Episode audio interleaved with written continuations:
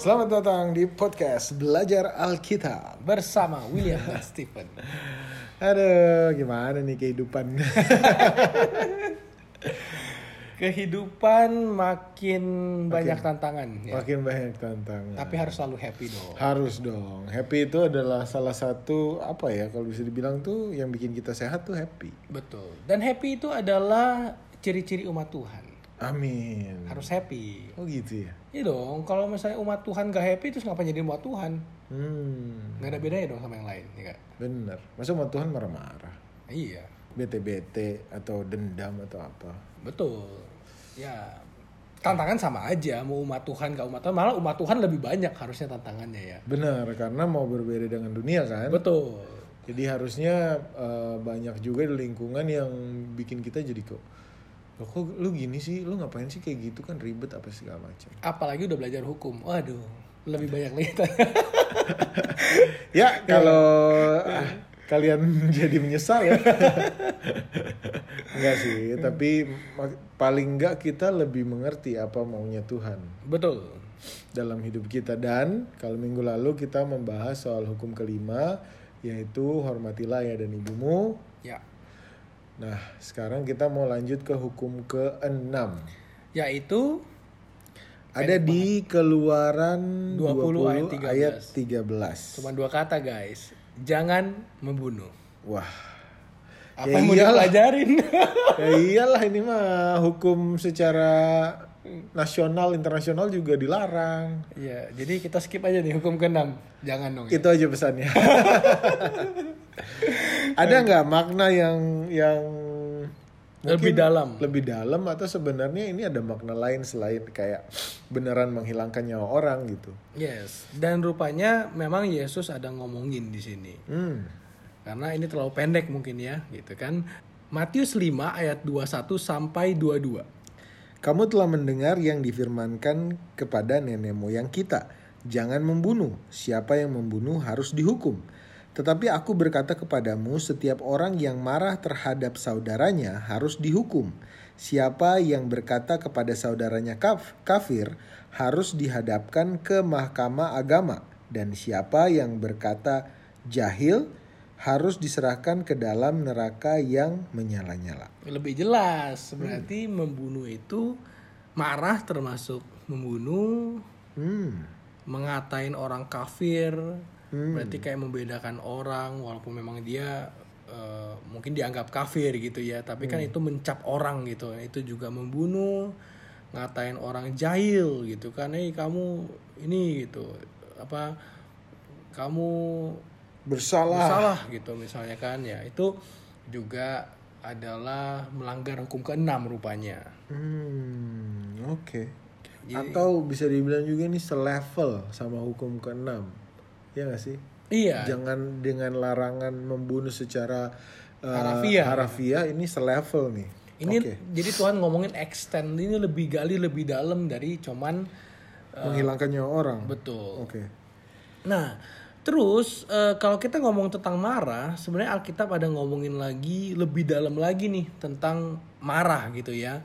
Marahnya selevel apa? Kan Yesus juga pernah marah gitu dulu di bait Allah gitu kan. Benar juga. Tapi marah yang kayak gimana gitu kan? Coba kita lihat di Yakobus 1 ayat 19 sampai 20. Hai saudara-saudara yang kukasihi, ingatlah hal ini. Setiap orang hendaklah cepat untuk mendengar, tetapi lambat untuk berkata-kata dan juga lambat untuk marah. Sebab amarah manusia tidak mengerjakan kebenaran di hadapan Allah. Hmm. Oke, jadi kalau orang jahatin kita, melakukan yang salah terhadap kita, Atau bahkan kita baru mungkin berpikir sendiri bahwa kok gitu sih, gitu. ya, Padahal mungkin kita nggak tahu dia tujuannya apa gitu. ya, dan kita nggak ngerti mungkin kita juga langsung salah paham kalau dibilang di sini jangan buru-buru atau lambat untuk ya, berkata-kata jangan tiba-tiba langsung respon, hmm gitu kan? Itu juga salah gitu. oke oke Walaupun itu maksudnya secara eh, dunia atau secara nature-nya wajar aja gue diginin orang gue langsung defense gitu kan? apalagi s- apa namanya yang dibahas atau yang disinggung itu adalah hal yang kita tahu Iya, atau hal yang kita udah alami selama ini atau hal yang kita kerjakan gitu kita jadi pengen buru-buru untuk menjawab apa yang dia bilang gitu. mengklarifikasi eh salah nih gini tapi dibilang eh sabar sabar tenang gitu Iya. Lambat untuk berkata-kata dan juga lambat untuk marah. betul Hmm. jadi kalau dilihat memang sering kali kemarahan itu kalau orang nyinggung kita punya self gitu kita punya pride kita punya kayak ya pride lah ya som kesombongan dalam hati kita pokoknya kalau misalnya itu kena button itu di press langsung Langsung tuh nggak nggak terkontrol, langsung mau cepet-cepet bales, ya mau cepet-cepet membuktikan diri bahwa kita yang benar. Betul. Nah rupanya orang marah itu nggak berhenti cuma sampai di sana doang, nggak cuma respon yang emosi atau marah. Ternyata ada juga hal yang terjadi di dalam diri mereka yang tanpa mereka sadari. Itu di Roma 3 ayat 14 sampai 17. Mulut mereka penuh dengan sumpah serapah, kaki mereka cepat untuk menumpahkan darah. Keruntuhan dan kebinasaan mereka tinggalkan di jalan mereka, dan jalan damai tidak mereka kenal. Nah, jadi kalau orang nggak bisa jaga mulut, emosian, di dalam hidup mereka itu nggak ada kedamaian. Jadi kemarahan sama kedamaian itu Tolak belakang ya? bertolak belakang banget gitu. Oke. Nah, mungkin kita bisa lihat satu lagi deh di Ibrani 12 ayat 14 sampai 15. Berusahalah hidup damai dengan semua orang dan kejarlah kekudusan, sebab tanpa kekudusan tidak seorang pun akan melihat Tuhan. Jagalah supaya jangan ada seorang pun menjauhkan diri dari kasih karunia Allah, agar jangan tumbuh akar yang pahit yang menimbulkan kerusuhan dan yang mencemarkan banyak orang. Nah, jadi kalau hidup damai itu hubungannya dengan kekudusan, kekudusan hidupnya dengan bertemu Allah, hukum keempat lagi ya gitu. Hmm. Tapi kalau marah dipendem lama-lama itu jadi kepahitan. Jadi akar pahit yang Akar menimbulkan kerusuhan dan mencemarkan banyak orang. Betul. Oh, Oke. Dan memang kalau punya kepahitan itu tuh menyebar. Hmm. Kayak akar gitu kan di dalam tanah tiba-tiba nyebar aja tuh ke mana-mana tuh. Ya ya ya ya. di atas kelihatan batangnya doang tapi di bawahnya menyebar contohnya nih kan misalnya ada orang jahatin kita terus kita respon orang itu dengan kejahatan juga nah bayangin orang itu akan kasih tahu nih misalnya ke si A ke si B ke C eh lu hati-hati sama William ya Hmm. Dia jahat. Padahal misalnya tuh orang itu yang jahatin gue duluan gitu. Ya. tapi karena gue respon dengan kejahatan terus dia ngomong sama temennya gue diginiin diginiin giniin padahal si A si B si C cuman kenal gue tadinya netral aja. Gara-gara dia kenal deket sama orang itu begitu orang itu ngelihat gue misalnya kan wah dia jadi marah sama gue Sama responnya sama si yang lu jahatin. betul. Begitu juga dengan kita. Kalau kita marah sama orang kita jadi cerita dong kejelekan orang itu. Hmm. Tiba-tiba gue cerita ke A, si A, si B, si C mereka jadi tanpa sadar ngeliat orang itu udah udah negatif duluan Ya ya ya. padahal mereka ngobrol aja nggak pernah gitu Bener. Nggak ada masalah juga di antara mereka gitu. betul Oke. Itu Jadi yang, itu itulah. yang dimaksud mencemarkan banyak orang tadi ya. iya kayak apa menyebarkan kebencian itu kayak akar yang pahit gitu kan Ya ya ya ya. Oke. Jadi kita mesti cari nih cara gimana kita bisa menangkal kepahitan ini. Karena kalau ngomongin marah, bunuh jelas di segi hukum nggak boleh membunuh lu nanti ditangkap polisi masuk penjara. Kalau dibilang marah-marah juga diajarin tuh di sekolah gitu nggak boleh marah-marah. Tapi nggak boleh kepahitan nggak pernah diajarin. Nggak boleh dendam, nggak boleh apa namanya inget-inget kesalahan orang itu nggak pernah diajarin. Iya. Oke. Jadi Jadi gimana cara kita untuk keluar dari kepahitan? oke. Mungkin kita bisa lihat di 2 Korintus 2 ayat 10 sampai 11. Sebab barang siapa yang kamu ampuni kesalahannya, aku mengampuninya juga. Sebab jika aku mengampuni, seandainya ada yang harus kuampuni, maka hal itu kubuat oleh karena kamu di hadapan Kristus supaya iblis jangan beroleh keuntungan atas kita sebab kita tahu apa maksudnya. Hmm, Oke, jadi solusi untuk menangkal kepahitan adalah mengampuni. mengampuni. Sederhana banget sih ya. Tapi kan kepahitan itu adalah sesuatu yang yang yang apa ya? nggak segampang itu. Kalau semua orang yang kepahitan mengampuni, tidak ada kepahitan. Karena kepahitan itu artinya sendiri kan tidak bisa mengampuni. Iya gak sih? Iya, tapi kan akar itu dimulai juga nggak langsung gede. Hmm. Jadi pada saat kita pertama nggak bisa ngampunin, itu bikin ruang buat setan, kasih ke- setan kesempatan buat menumbuhkan kepahitan yang lebih dalam lagi Oh, lebih besar lagi. dan menjalar ke mana-mana. Oh, ngerti ngerti. Jadi kalau misalkan orang bikin salah, terus pada saat itu kita langsung punya sifat atau kita langsung punya pemikiran untuk ya udah nggak apa-apa, gua ampuni. Tanpa dia harus tahu ya, Ya. tanpa dia harus minta maaf ya. Betul. Gitu. Kalau kita merasa bahwa oh ini orang salah nih sama gua sebenarnya, tapi gua punya sifat dan punya pemikiran yang selalu mengampuni, masalah itu atau kepahitan itu nggak akan berkembang lebih besar ya, Akan ya akan hilang. akan ya hilang atau enggak itu tercegah dia untuk bertumbuh lebih dalam lagi. Iya iya iya iya. iya. Sedangkan kalau lu biarkan, misalkan nih, eh tadi cuma bercanda ngomong apa gitu, terus gue tersinggung, terus gue nggak punya sifat memaafkan atau mengampuni tadi, terus gue pendem. Nanti bercanda berikutnya atau bahkan dia nggak bercanda atau dia bercanda sama orang lain, Lu udah kesel aja tuh. kita juga Ah. jadi ikutan. Ih gitu banget sama orang, jadi tambah. Tambah, Du- Dulu gue juga digituin, tambah gede kepahitannya. Oh iya, ngerti Iya, ngerti. Jadi nggak nggak nggak dicegah dari awal pertumbuhannya itu gitu. Heeh, heeh. Nah, coba lihat lagi di Efesus 4 ayat 32. Tetapi hendaklah kamu ramah seorang terhadap yang lain, penuh kasih mesra dan saling mengampuni sebagaimana Allah di dalam Kristus telah mengampuni kamu.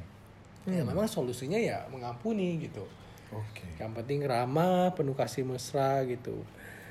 Jadi di sini kita lihat prinsipnya yang kita bisa ambil di eh, hukum keenam ini sebenarnya adalah mengampuni.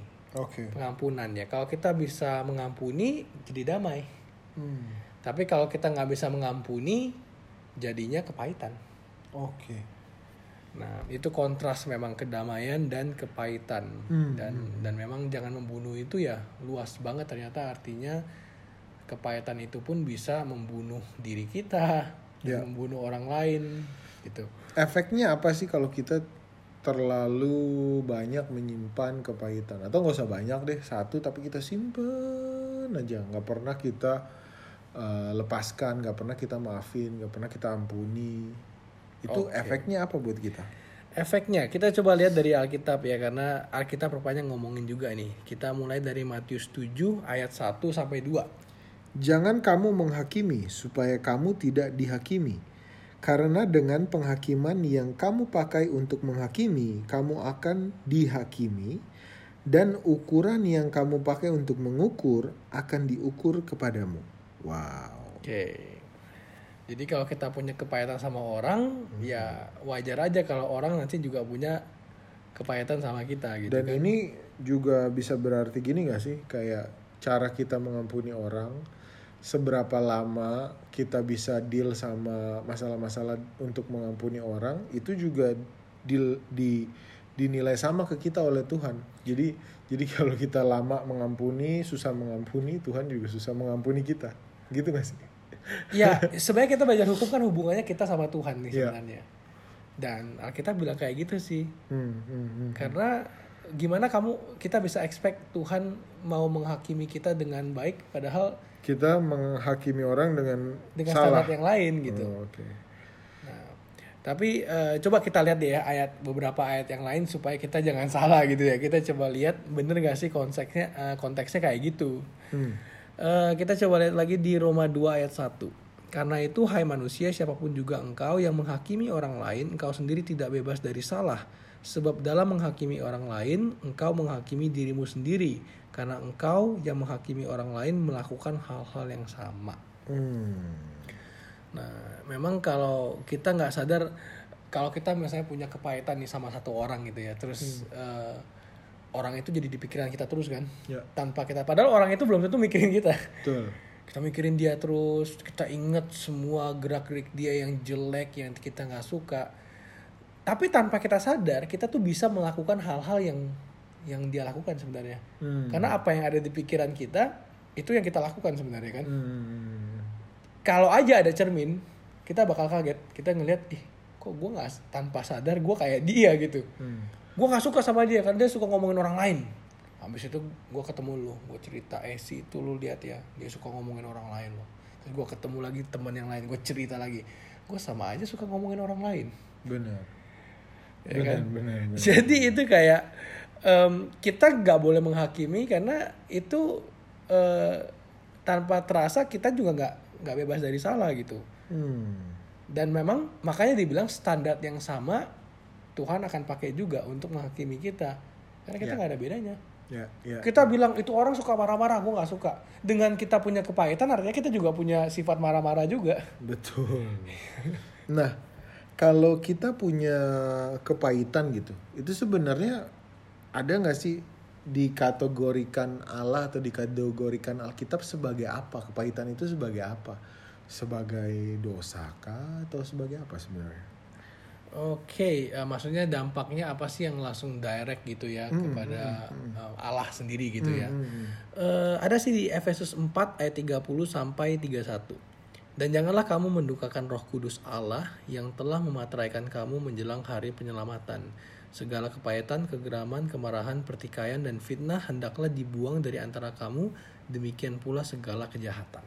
Hmm, jadi kepahitan, kegeraman, kemarahan, pertikaian, fitnah, dan segala kejahatan itu termasuk mendukakan Roh Kudus. Betul. Dan masalahnya kan kita itu telah dimateraikan. Yang dimateraikan adalah orang-orang yang hidup dengan Roh Kudus. Hmm.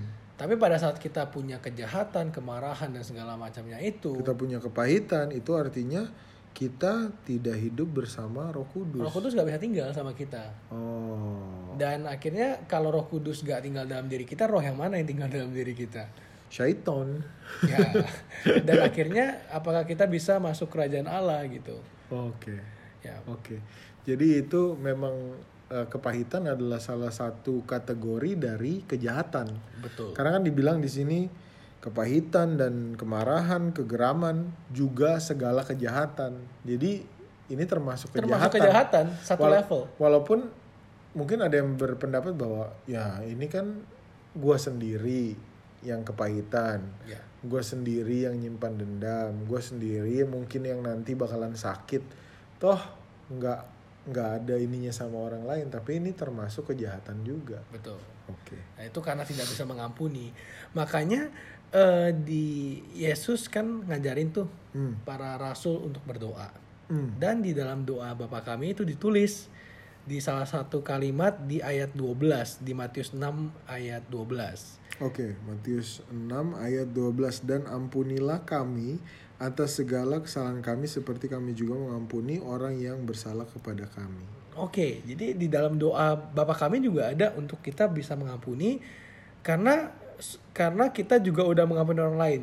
Jadi kan kayak ngomongin Tuhan hakimilah kami sebagaimana kami Menghakimi orang, orang. lain. Sama Atau ini. Tuhan ampunilah kami sebagaimana kami mengampuni orang lain. Ya, Ah. Ya, gitu ya. kan. Nah, dan rupanya menariknya kita kan biasa cuma taunya sampai amin selesai. Ya. Kalau kita baca di ayat selanjutnya yaitu ayat 14 sampai 15, Tuhan Yesus ulangin lagi. Karena jikalau kamu mengampuni kesalahan orang, Bapamu yang di surga akan mengampuni kamu juga. Tetapi jikalau kamu tidak mengampuni orang, Bapamu juga tidak akan mengampuni kesalahanmu. Oke, ini Ini diulang loh. timbal balik aja ya. Iya. Maksudnya tidak ada pengampunan buat orang yang tidak bisa mengampuni orang. Ya. Dan sangat ada pengampunan buat orang yang damai dan tidak pendendam Ya. dan gampang Dan mengampuni gak orang. punya kepahitan dalam Nggak hati punya kepahitan. Eh, kepahitan, oke. Ya. Nah, kita mungkin kayak tadi kan kita udah dua kali tuh masalah mengampuni Tuhan Yesus sudah eh, tekankan di Ya. dalam doa sama setelah doa. Yes. Tapi kenapa ya kita tuh kayak susah atau nggak bisa ngampunin orang gitu? Ya. Kayaknya tuh memang gimana sih pengampunan itu cara kerjanya tuh gimana? Kayak kok nggak nggak masuk aja di logika kita gitu kan? Ya. Karena yang main tuh emosi gitu Ya, kan. ya, ya, ya. Nah, eh, coba kita lihat sebenarnya how it works gitu. Gimana sih eh, pengampunan itu bisa terjadi sebenarnya apa prosesnya yang harus ada di situ gitu kan. Hmm. Eh, rupanya Yesus juga ada ngomongin itu di Matius 5 ayat 24 sampai 25. Sebab itu jika engkau mempersembahkan persembahanmu di atas mesbah dan engkau teringat akan sesuatu yang ada dalam hati saudaramu terhadap engkau, tinggalkanlah persembahanmu di depan mesbah itu dan pergilah berdamai dahulu dengan saudaramu lalu kembali untuk mempersembahkan persembahanmu itu. Hmm. Jadi ini ceritanya kita tuh sadar Hmm. kita udah buat salah sama orang Oke. dan kayaknya itu orang jadi punya kepahitan nih sama kita. Hmm. Daripada kita mempersembahkan korban bakaran buat Tuhan, mendingan kita berdamai dulu sama dia. Hmm. Setelah berdamai, masalah dia mau ngampuni atau enggak, yang penting kita minta maaf sama dia, Hmm.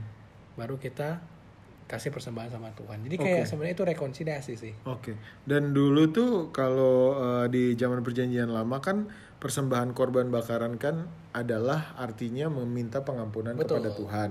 Nah, di ayat ini tuh bercerita bahwa kalau lu punya masalah, Ya, punya dendam atau lu eh, membuat kesalahan atau membuat orang menjadi dendam, pada saat mau kasih persembahan atau meminta ampun kepada Tuhan, itu kita harus selesaikan dulu semuanya. betul. An- uh, misalkan kita punya dendam, kita mengampuni dulu. Ya, Kita bikin orang dendam, kita minta maaf dulu. betul. Baru abis itu Tuhan merasa kita pantas untuk diampuni. Ya karena kita juga udah clear pas kita ngomong sama Tuhan berdoanya Tuhan ampunilah kami seperti kami telah mengampuni. Kalau kita belum mengampuni bisa nggak kita doa kayak gitu? Tuhan ampunilah kami walaupun saya belum mengampuni orang lain. Tuhan ampunilah Iya kan? kami walaupun kami belum ngampunin. Kan lucu kan kayak Iya, gitu. Iya, iya, iya. Eh, Nah itu kasusnya kalau kita merasa kita sadar nih eh, bahwa kita berbuat salah sama orang. Tapi memang ada kasus di mana kita kesel sama orang karena orang itu buat salah sama kita terus dia gak minta maaf. Iya. Nah. Oke. Itu gimana tuh kalau kayak gitu kasusnya kan? Coba kita lihat Matius 18 ayat 5. Oke. Apabila saudaramu berbuat dosa, tegurlah dia di bawah empat mata. Jika ia mendengarkan nasihatmu, engkau telah mendapatkannya kembali. Oke, dan ayat ini kalau diterusin 16, 17, 18 itu sampai kalau nggak bisa empat mata, lalu dibawa dua tiga orang lagi, lalu ke jemaat dan sebagainya gitu. Tapi prinsip di sini kan kita mencoba untuk rekonsiliasi lagi gitu loh. Hmm. Eh lu salah, kita kasih tahu baik-baik. Ya, Dia mau terima atau enggak ya urusan dia gitu. oke, oke. Jangan sampai membuat kita punya hati yang dendam. Pokoknya eh, kalau kita mau punya hubungan sama Tuhan yang oke, yang benar, hati kita tuh nggak boleh apa ya, nggak boleh menyimpan dendam gitu. Betul, karena kalau menyimpan dendam, kepahitan, tadinya orang itu yang harus minta maaf sama kita. Tapi nanti kita jadi mikir macam-macam, kita jadi ngomongin dia, kita jadi jelek-jelekin dia, kita lagi yang harus minta maaf sama dia nantinya gitu loh. Oh, oke, Ya. betul betul. Nah, ada lagi di 2 Korintus 5 ayat 19 sampai 20. Sebab Allah mendamaikan dunia dengan dirinya oleh Kristus dengan tidak memperhitungkan pelanggaran mereka. Ia telah mempercayakan berita pendamaian itu kepada kami. Jadi kami ini adalah utusan-utusan Kristus. Seakan-akan Allah menasihati kamu dengan perantaran kami. Dalam nama Kristus kami meminta kepadamu. Berilah dirimu didamaikan dengan Allah. Nah, kenapa sih tujuannya Tuhan mau kita rekonsiliasi, mau kita berdamai sama orang? Karena Tuhan itu mau kita, anak-anak Tuhan itu ikonnya adalah membawa damai. Hmm. Menjadi utusan Allah yang bisa mendamaikan orang-orang gitu. Hmm. Itulah yang bedain kita sama dunia. Iya. Oke. Oke, nah sekarang kita coba lihat lagi ada satu ayat tuh yang eh, ngomongin juga tentang eh, kepahitan ya. Matius 7 ayat 3 sampai 5. Mengapakah engkau melihat selumbar di mata saudaramu sedangkan balok di dalam matamu tidak engkau ketahui? Bagaimanakah engkau dapat berkata kepada saudaramu, biarlah aku mengeluarkan selumbar itu dari matamu padahal ada balok di dalam matamu. Hai orang munafik, keluarkanlah dahulu balok dari matamu, maka engkau akan melihat dengan jelas untuk mengeluarkan selumbar itu dari mata saudaramu. Hmm. Oke. Oke. Jadi sering kali kita tuh ada kepahitan sebenarnya. Kita susah berdamai, tapi kita sendiri tuh seakan-akan Kayak nggak punya salah nggak gitu. punya salah. Malah lebih banyak menilai orang salah. Di, dia tuh ya. yang Salahnya ini, Oh, gitu kan? Dia nih ini dia A B C D F G padahal kita sendiri juga apa namanya orang-orang yang melakukan hal-hal yang sama gitu. Dan kalau kita punya kebaikan itu kita kayak ibaratnya orang yang ngeharapin orang lain tuh mati pelan-pelan. Hmm. Kayak kasih racun gitu kan. Nah, pokoknya gimana caranya supaya orang itu bisa ngerasain sakitnya juga yang gue rasain gitu. Oke oke. Padahal kalau gua s- kalau gua nggak salah inget ya ada ada pokoknya orang bijak gitu bilang bahwa kalau kita punya dendam sama seseorang kita berharap orang itu mati. Kita berharap orang itu mati perlahan-lahan dengan eh, kita racuni misalkan. Tapi padahal pada kenyataannya kita sedang meracuni diri kita sendiri perlahan-lahan. Dan orang itu mungkin nggak dan orang itu nggak nggak kenapa-napa. Kitanya yang mati perlahan-lahan. Betul. jadi jadi ya ya kepahitan tadi itu bukan berefek ke orang lain tapi berefek ke diri kita sendiri gitu. Berefek membunuh diri kita sendiri. betul.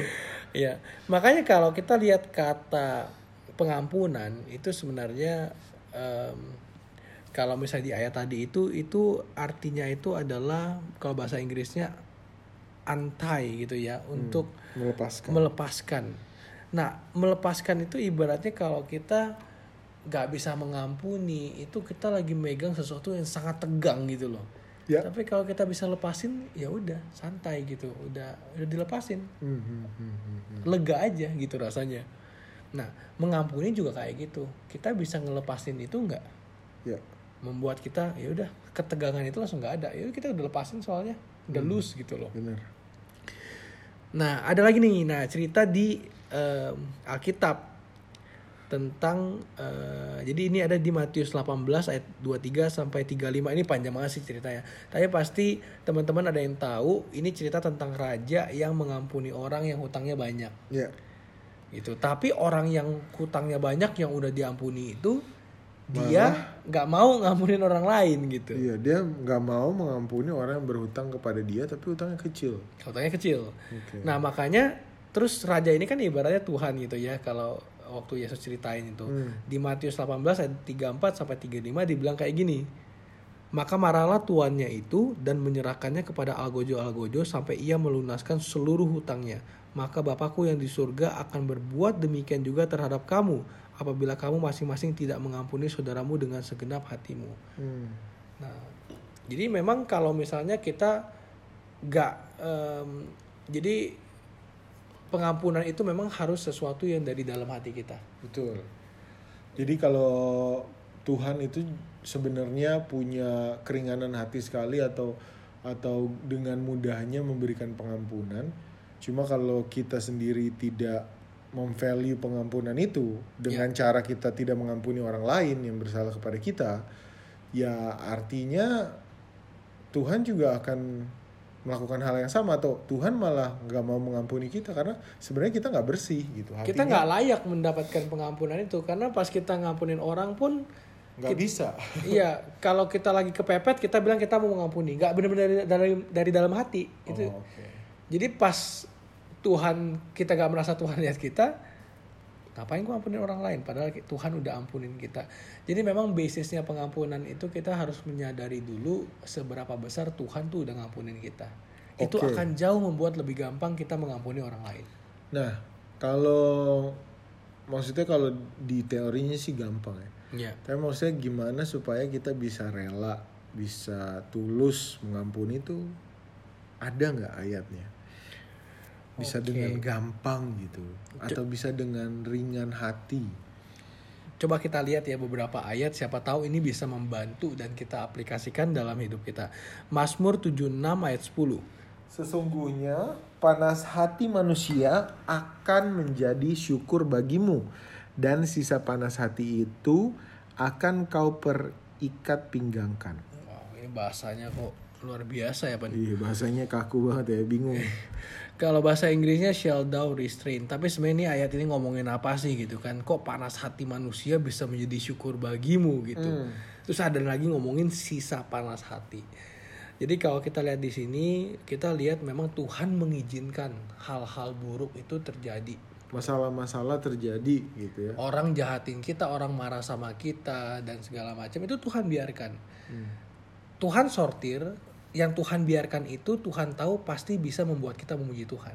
Pasti membuat kita menjadi bertumbuh. Betul. Tapi sebenarnya Tuhan tahan banyak hal yang lain supaya nggak sampai ke telinga kita atau kena ke kita gitu. Karena itu bisa membuat kita jadi jatuh parah gitu. Karena Tuhan izinkan, pokoknya Tuhan tuh izinkan kita dapat pencobaan, tapi nggak melebihi batas kekuatan kita gitu kali ya.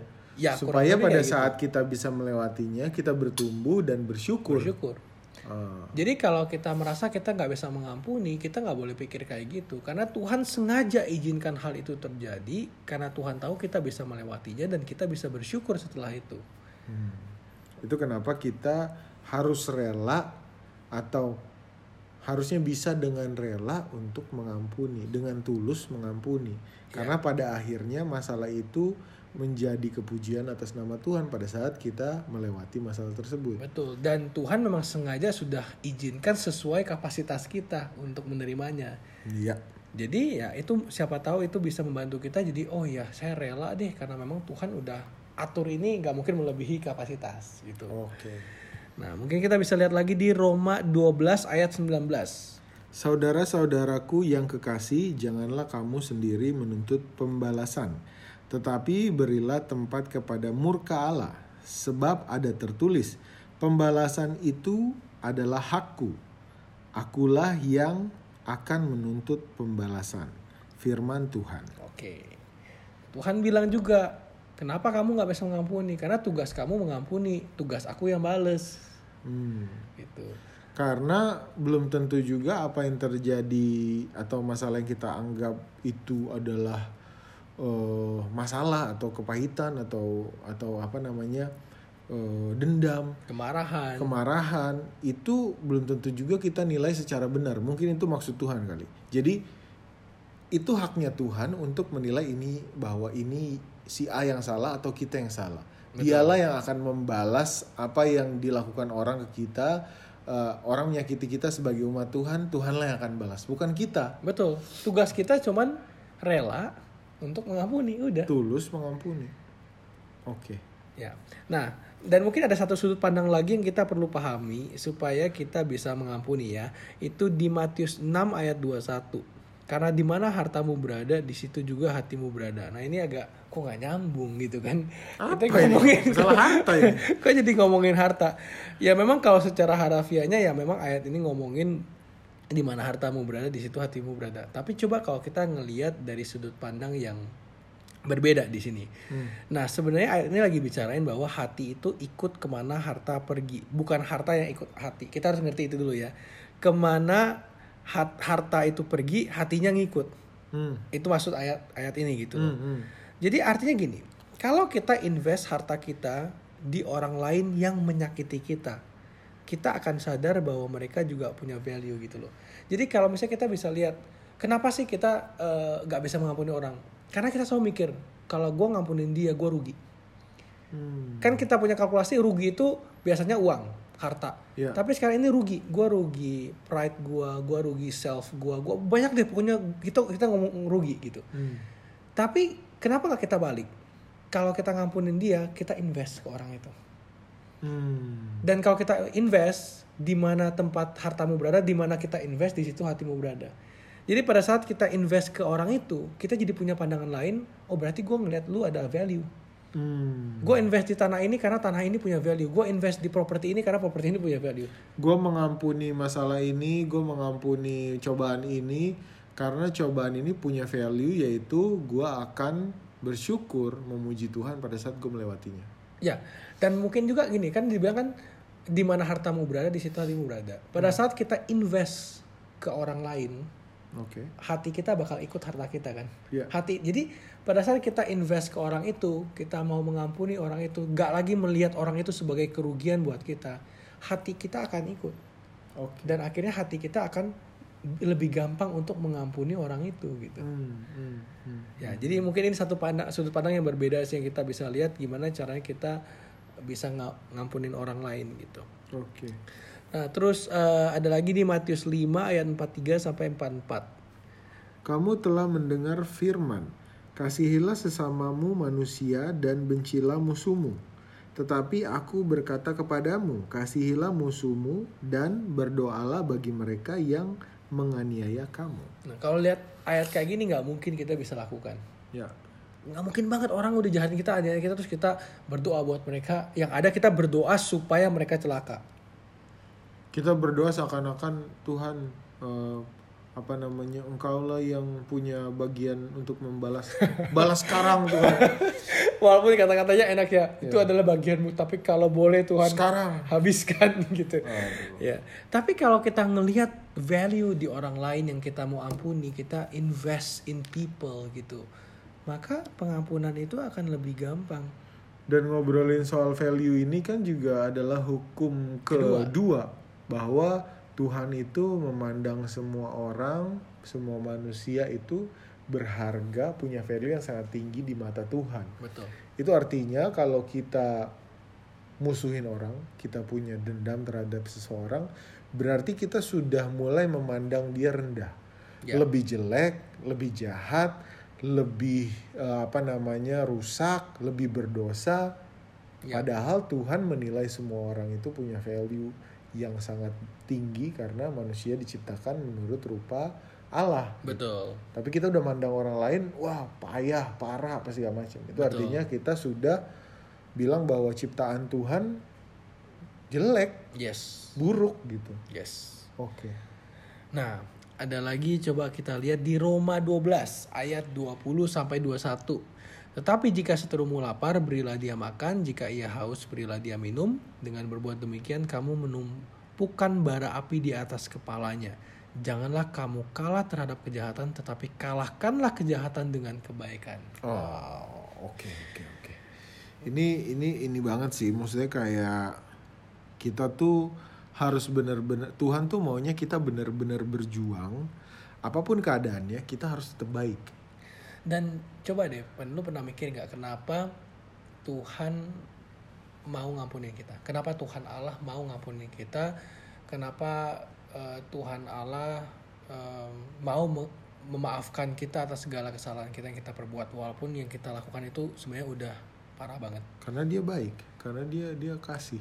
Ya, dan pernah kebayang nggak berapa besar investment yang Tuhan Allah akan ya sudah buat untuk kita? Apa investment terbesar yang Tuhan Allah pernah invest buat kita manusia? Nyawanya, Yaitu kasih anaknya ya. Yesus yang- Kristus yang buat tunggal mati. untuk mati di salib, Ya. menebus dosa kita. Dan kita sudah diinvest oleh nyawa Tuhan Yesus Kristus dan di situlah hati Allah berada. Di mana hartamu, di situ hatimu berada. Dan kalau dilihat dari ayat ini, janganlah engkau ka- janganlah kamu kalah terhadap kejahatan, tetapi kalahkanlah kejahatan dengan kebaikan. Ya. Itu bisa dicontoh dari apa yang dilakukan Tuhan Yesus di bumi. Ya, Dia datang, orang ngejahatin, orang apa namanya nuduh yang enggak enggak, orang fitnah sampai hari disalib, sampai mati di kayu salib, tidak pernah Tuhan nuduh-nuduh lu yang salah. Lu yang berbuat dosa nggak pernah. Tuhan berbuat baik dan mengajarkan hal yang baik. Itu yang dimaksud dengan mengalahkan kejahat kalahkanlah kejahatan dengan kebaikan. Tuhan tuh memberi contoh bahwa dia mengalahkan dosa, ya, menebus dosa dengan kebaikan. betul. Nah itu yang harus kita contoh makanya ini tuh ayat ini tuh menggambarkan bahwa Tuhan tuh pengennya mau apa pun yang terjadi dalam hidup kita kita harus tetap baik, harus tetap rela, harus tetap tulus, harus tetap mengampuni. Dan makin kita nggak bisa mengampuni orang lain, coba lakukan apa yang Tuhan lakukan. Ini orang nggak pantas diampuni, tapi sekarang saya akan memulai dengan kebaikan. Ya. Dan itu kita artinya mulai investing in people dan kita akan melihat oh ternyata beda ya. Kalau misalnya dibalas dengan kebaikan malah kita jadi tergerak untuk melakukan kebaikan yang lebih banyak lagi. Tapi kalau kita me- memupuk akar kejahatan, kita akan melakukan kejahatan, kepahitan, kemarahan yang lebih besar lagi. Ya ya ya ya ya ya. ya. Betul betul betul betul. Oke, ya jadi eh, kita ngomongin tentang eh, jangan membunuh ini ternyata konteksnya itu luas, nggak cuma membunuh secara fisik, tapi kita mem, eh, lebih konteksnya sampai ke marah, marah sampai punya kepahitan, sampai tidak bisa mengampuni gitu. Hmm, hmm, hmm. Dan tadi kita udah belajar bahwa mengampuni itu em, memang sulit, tapi ada hal-hal yang bisa kita lakukan untuk mengampuni, yaitu kita bisa eh, mulai dengan investing in people gitu kan. kita membalas dengan kebaikan. Terus kita juga bisa akui kesalahan kita. yes. Terus kita minta Tuhan ampuni kita. Terus Ya. kita minta juga Tuhan kasih kekuatan supaya kita bisa tinggalkan kepahitan ini dan ampuni orang-orang yang kita rasa bersalah terhadap kita. betul Kayak gitu sih. jadi em, memang selalu itu semua pasti dengan pertolongan Tuhan Hmm, hmm. Tapi kalau kita bisa mengerti eh, sudut pandang yang lain, kita melihat dari bagaimana Allah itu juga bisa sudah mengampuni orang seperti kita gitu. Eh, put away self, pride itu kita Hilangkan. hilangkan, maka itu akan lebih eh, membantu kita untuk Oke. ngampunin orang lain dan membuat kita membawa damai akhirnya. Oke. Nah, kalau misalkan teman-teman juga ah nggak kebayang nih nggak ada cerita real nih tentang mengampuni. Sebenarnya kita tuh udah punya dua episode podcast tentang mengampuni dan itu ada kesaksian langsung Yes. bahwa orang ini tuh nggak bisa mengampuni puluh ah, belasan tahun bahkan Yes. atau ya beberapa tahun lah Lama deh pokoknya. 8 sampai belasan tahun dia nggak bisa mengampuni tapi ada momennya akhirnya dia bisa mengampuni orang Ya. Tuhan kasih jalan Tuhan kasih uh, apa namanya petunjuk di mana dia akhirnya bisa mengampuni orang dan efeknya terhadap dia itu sangat luar biasa Ya. itu teman-teman bisa dengerin di episode podcast kita yang judulnya mengapa memaafkan itu sulit sama bagaimana agar bisa memaafkan Hmm. itu ada di podcast kita juga belajar Alkitab itu podcastnya rada di awal-awal kayaknya episode episode awal-awal deh pokoknya Ya. gitu. Jadi ternyata wah yang yang dua kata ini jangan membunuh aja bisa luas banget ya cakupannya ya. betul dan ya lagi-lagi Tuhan tuh intinya pengen kita baik Ya. berbuat baik itu eh, berbuat benar kudus itu Tuhan maunya kita kayak gitu Ya. kalau kita berbeda dengan dunia udah pasti kita yang yang melakukan seperti apa yang Tuhan mau dan Tuhan contohkan selama dia ada di atas muka bumi ini karena mau difitnah, mau dituduh, mau diolok-olok, bahkan sampai dibunuh, Ya. Tuhan tetap mengampuni, Tuhan tetap bertujuan untuk uh, menebus dosa kita umat manusia yang berdosa. Amin. Amin. Ya. Oke. Teman-teman semangat terus ya untuk belajar. Karena kita di sini juga sama-sama belajar. William sama gue juga terus semangat untuk bikin podcast belajar Alkitab. Lagi-lagi kita nggak mau menggurui orang yang misalkan punya dendam atau apa. Tapi ini ini ini perintah Tuhan gitu. Ini yang Tuhan mau supaya kita tuh hidupnya tenang loh sebenarnya. Kalau udah damai tuh wah enak deh, seneng deh, hidup tuh bahagia. Betul. Kan perbedaannya tadi antara damai dan Kepahitan. kepahitan itu bertolak belakang. Kalau Yes. lu punya kepahitan artinya lu nggak damai. ya. Kalau lu nggak punya kepahitan bisa mengampuni artinya hidupnya damai. Damai. Enak gitu, nggak punya musuh. Jadi kalau kita lihat dunia ini, kalau kita lihat kok lebih banyak kayaknya kejahatan daripada kebaikan, ya kita tahu di sini bahwa rupanya banyak orang yang masih belum bisa mengampuni memang. ya banyak orang yang invest hatinya ke syaiton. Ya, ke dirinya sendiri mungkin. Dirinya sendiri yang dikendalikan oleh syaiton. Yes. Tapi coba kalau kita bisa mulai invest ke orang lain, walaupun sejahat-jahatnya orang adalah selama dia masih hidup pasti ada satu hal baik yang Ya, Bisa. bisa bisa kita pandang hal-hal kayak gitu karena kadang tuh kebaikannya banyak, bukan kejahatan yang banyak ya. Kadang kebaikannya banyak banget, tapi pada saat orang ini bikin salah satu kali kita langsung nggak bisa ngampuni. ya. Terus kebaikannya nggak pernah kita lihat lagi, ya nggak? Bener. Kadang bukan bukan dia berbuat jahat terus enggak. Yes.